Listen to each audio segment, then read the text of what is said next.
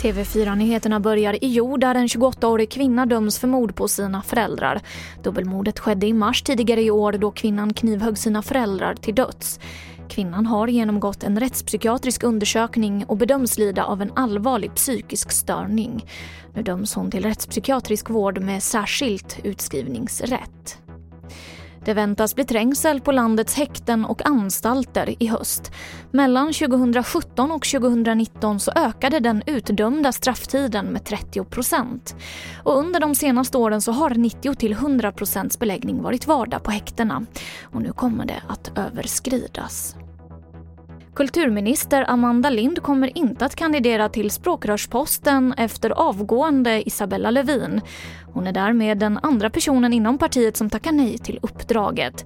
Hennes nej beror på privata skäl då hon har en ettåring hemma, säger hon till Ekot. Men hon utesluter inte att hon kandiderar i framtiden. Coronapandemin har gjort att telefonerna i Sverige gått heta. Data från Telia och Telenor visar att samtalen ökat i längd och att vi surfat mer än förra året. Och långpratarna de hittar man på Gotland och i Blekinge. Surfar gör man däremot mest i Norrbotten, Stockholm och Jämtland Härjedalen. Och det var det senaste från TV4 Nyheterna. Jag heter Emily Olsson.